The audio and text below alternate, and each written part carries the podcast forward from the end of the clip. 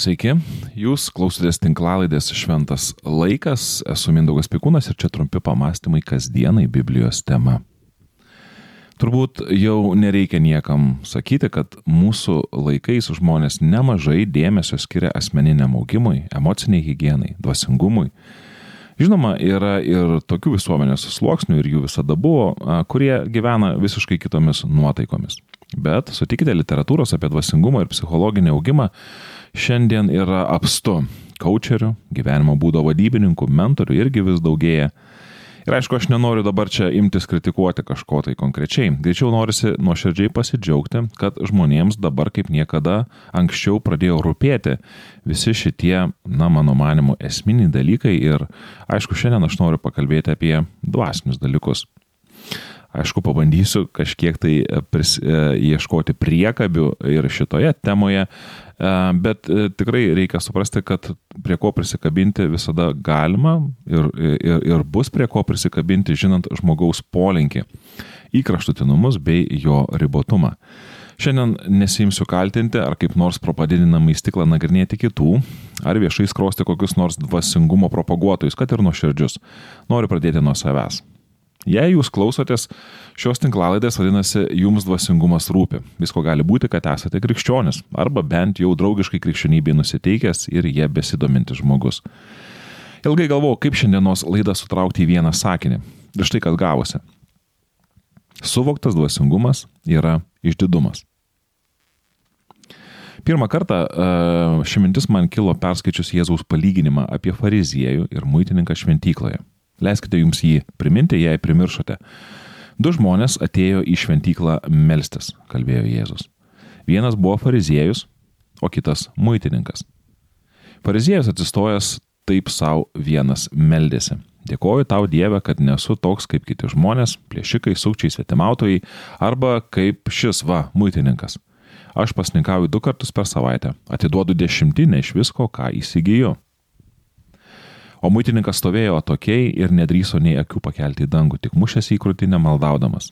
Dieve, būk gailestingas man nusidėliui. Sakau jums, šitas nuėjo į namus nuteisintas, nenas. Kiekvienas, kuris save išaukština, bus pažemintas, o kuris save žemina, bus išaukštintas. Luko Evangelija 18 skyrius 10-14 eilutės. Šiame palyginime Jėzus kalba apie du žmonės, kurie ateina pas Dievą. Vienas yra na, toks savimi patenkintas ir e, nesunku suprasti kodėl.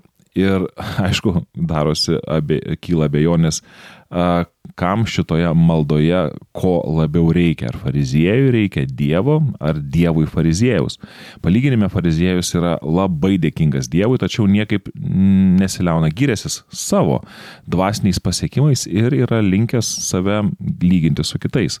Kaip priešingybė fariziejui yra muitininkas, ir net nekyla jokių abejonių apie jį paskaičius, kad jis desperatiškai ieško Dievo palankumo. Jis neturi kuo pasidžiaugti, pasižiūrėjęs į savo nuodėmingą širdį. Keiščiausia, kad toks dvasinis turtuolis kaip fariziejus palyginime namo grįžta taip ir nesusitikęs su Dievu, o tuo tarpu dvasios subagas, muitininkas, grįžta namo su Dievo susitaikęs. Perskaitęs šį palyginimą supratau, kad Dievui nereikia formalaus paklusnumo taisyklėms ir įstatymams. Visos taisyklės ir įstatymai yra reikalingi, aišku, aš čia net nenoriu jų bandyti menkinti. Tačiau Jėzui svarbiausia mūsų teisingas požiūris į save ir teisingas santykis su juo. Paklusnumas geriems dalykams ateina savaime. Svarbiausia, kad dvasingumas stovėtų ant tinkamo pamato. Fariziejus galėjo labai aiškiai pamatuoti ir įvertinti savo dvasingumo lygį. Sutinku, kad vertinimas buvo gana paviršutiniškas, tačiau ar gali būti mūsų žmogiškas dvasingumo vertinimas kitoks? Ir iš čia man kyla ši trumpa formuluotė. Suvoktas dvasingumas yra išdidumas. Išdidumas nugali, jei pabandome kažkaip pasverti ar įsivertinti savo dvasinį augimą. Neketinu teikti, jog negalime kažkaip matyti savo progreso ir permainų į gerą. Turime jomis džiaugtis, jei jas pastebime ir galime jas įvardinti. Aš kalbu apie gundimą tai paversti lenktynėmis. Ypatingai jei tai tampa kažkokiu savivertės stiprinimo užsiemimu, kuriame džiaugiamės savo pasiekimais ir matuojame, kiek pralenkėme savo augime kitus. Jėzus kartą mokė, jog nuo savęs pavarys, na, kabutėse sakau aišku, tuos, kurie e, visiems liudijo, kad jo vardu daro gerus darbus. Jėzus kalbėjo, kad ne kiekvienas, kuris man šaukia viešpatė, viešpatė įeis į dangaus karalystę, bet tik tas, kuris vykdo mano dangiškojo tėvo valią. Daugelis man sakys anai dienai atėjus viešpatė, viešpatė, argi mes nepranašavome tavo vardu, argi neišvarinėjome demonų tavo vardu, argi nedarėme daugybę stebuklų tavo vardu.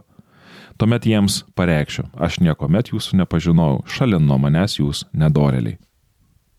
Mato Evangelija 7 skyrius 21-23 eilutės. Suprantu, kad Jėzus čia prieš pastato žodinę religiją prieš nuoširdų paklusnumą Dievui. Į dangaus karalystę neįeis nei vienas, kuris tik žodžiais aiškina apie savo tikėjimą, o jo žodžiai nėra papildomi, na, paklusnumo darbais. Tačiau sutikite, kad palyginime minimi tikintieji mane, kad jie yra pakankamai arti Dievo, jie buvo nustebę tokiu Jėzaus radikaliu nuosprendžiu. Jie juk ir tarnavo, ir meldėsi, o čia Jėzus juos varo šalin, kaip nedorelius.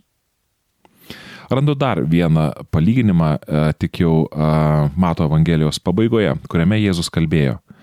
Kai ateis žmogaus sunus savo šlovėje ir kartu su juo visi angelai, tada jis atsisės savo garbės soste, jo akivaizdoje bus surinkti visi tautų žmonės ir jis perskirs juos, kaip piemuo atskiria avis nuo ožių. Avis jis pastatys dešinėje, ožius kairėje. Ir tars karalius stovintiems dešinėje, ateikite mano tėvo palaimintieji, paveldėkite nuo pasaulio sukūrimo jums paruoštą karalystę. Nes aš buvau išalkęs ir jūs mane pavalgydinote, buvau ištroškęs ir mane pagirdėte, buvau keleivis ir mane priglaudėte, buvau nuogas, mane aprengėte, ligonis, mane aplankėte kalinys, atėjote pas mane. Tuomet teisėjai klaus, viešpatė, kadagi mes tave matėme alkaną ir pavalgydinome, trokštantį ir pagirdėme, kadagi mes matėme tave keliaujantį ir priglaudėme ar nuogą ir aprengėme, kadagi matėme tave sergantį ar kalinį ir aplankėme.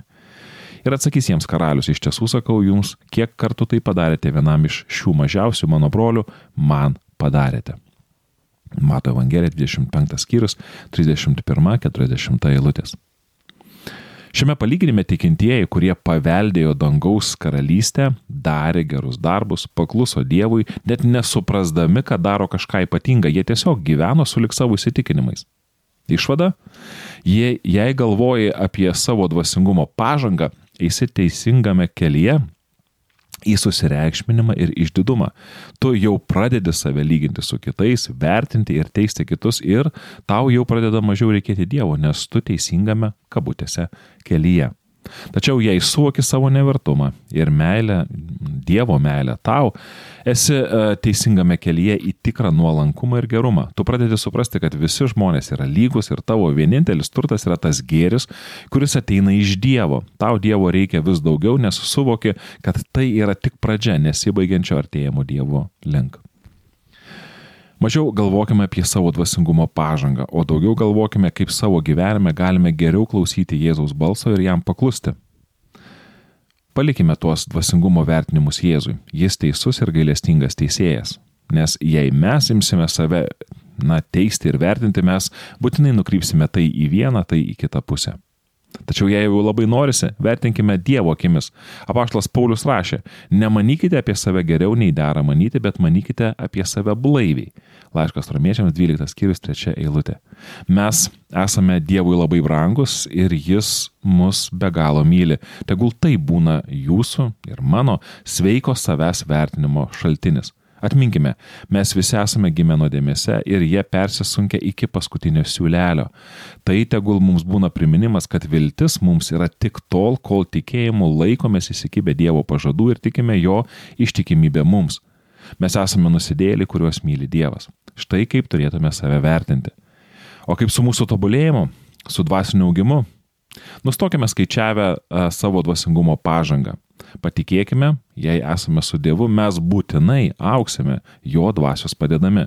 Nuolatos siekime aukti bei lenktyniauti tarpusavio meilėje, tačiau visame tame išmokime mažiau galvoti apie save ir daugiau apie kitus. Pradėkime gyventi. Norisi priminti, jog ši tinklalaidė yra išlaikoma jūsų laisvanoriško prisidėjimo. Kad šių ir įvairesnių tinklalaidžių būtų sukurta daugiau, kviečiame paremti Šventas laikas veiklą per Contribui remimo platformą internete. Ačiū tai jau padariusiems.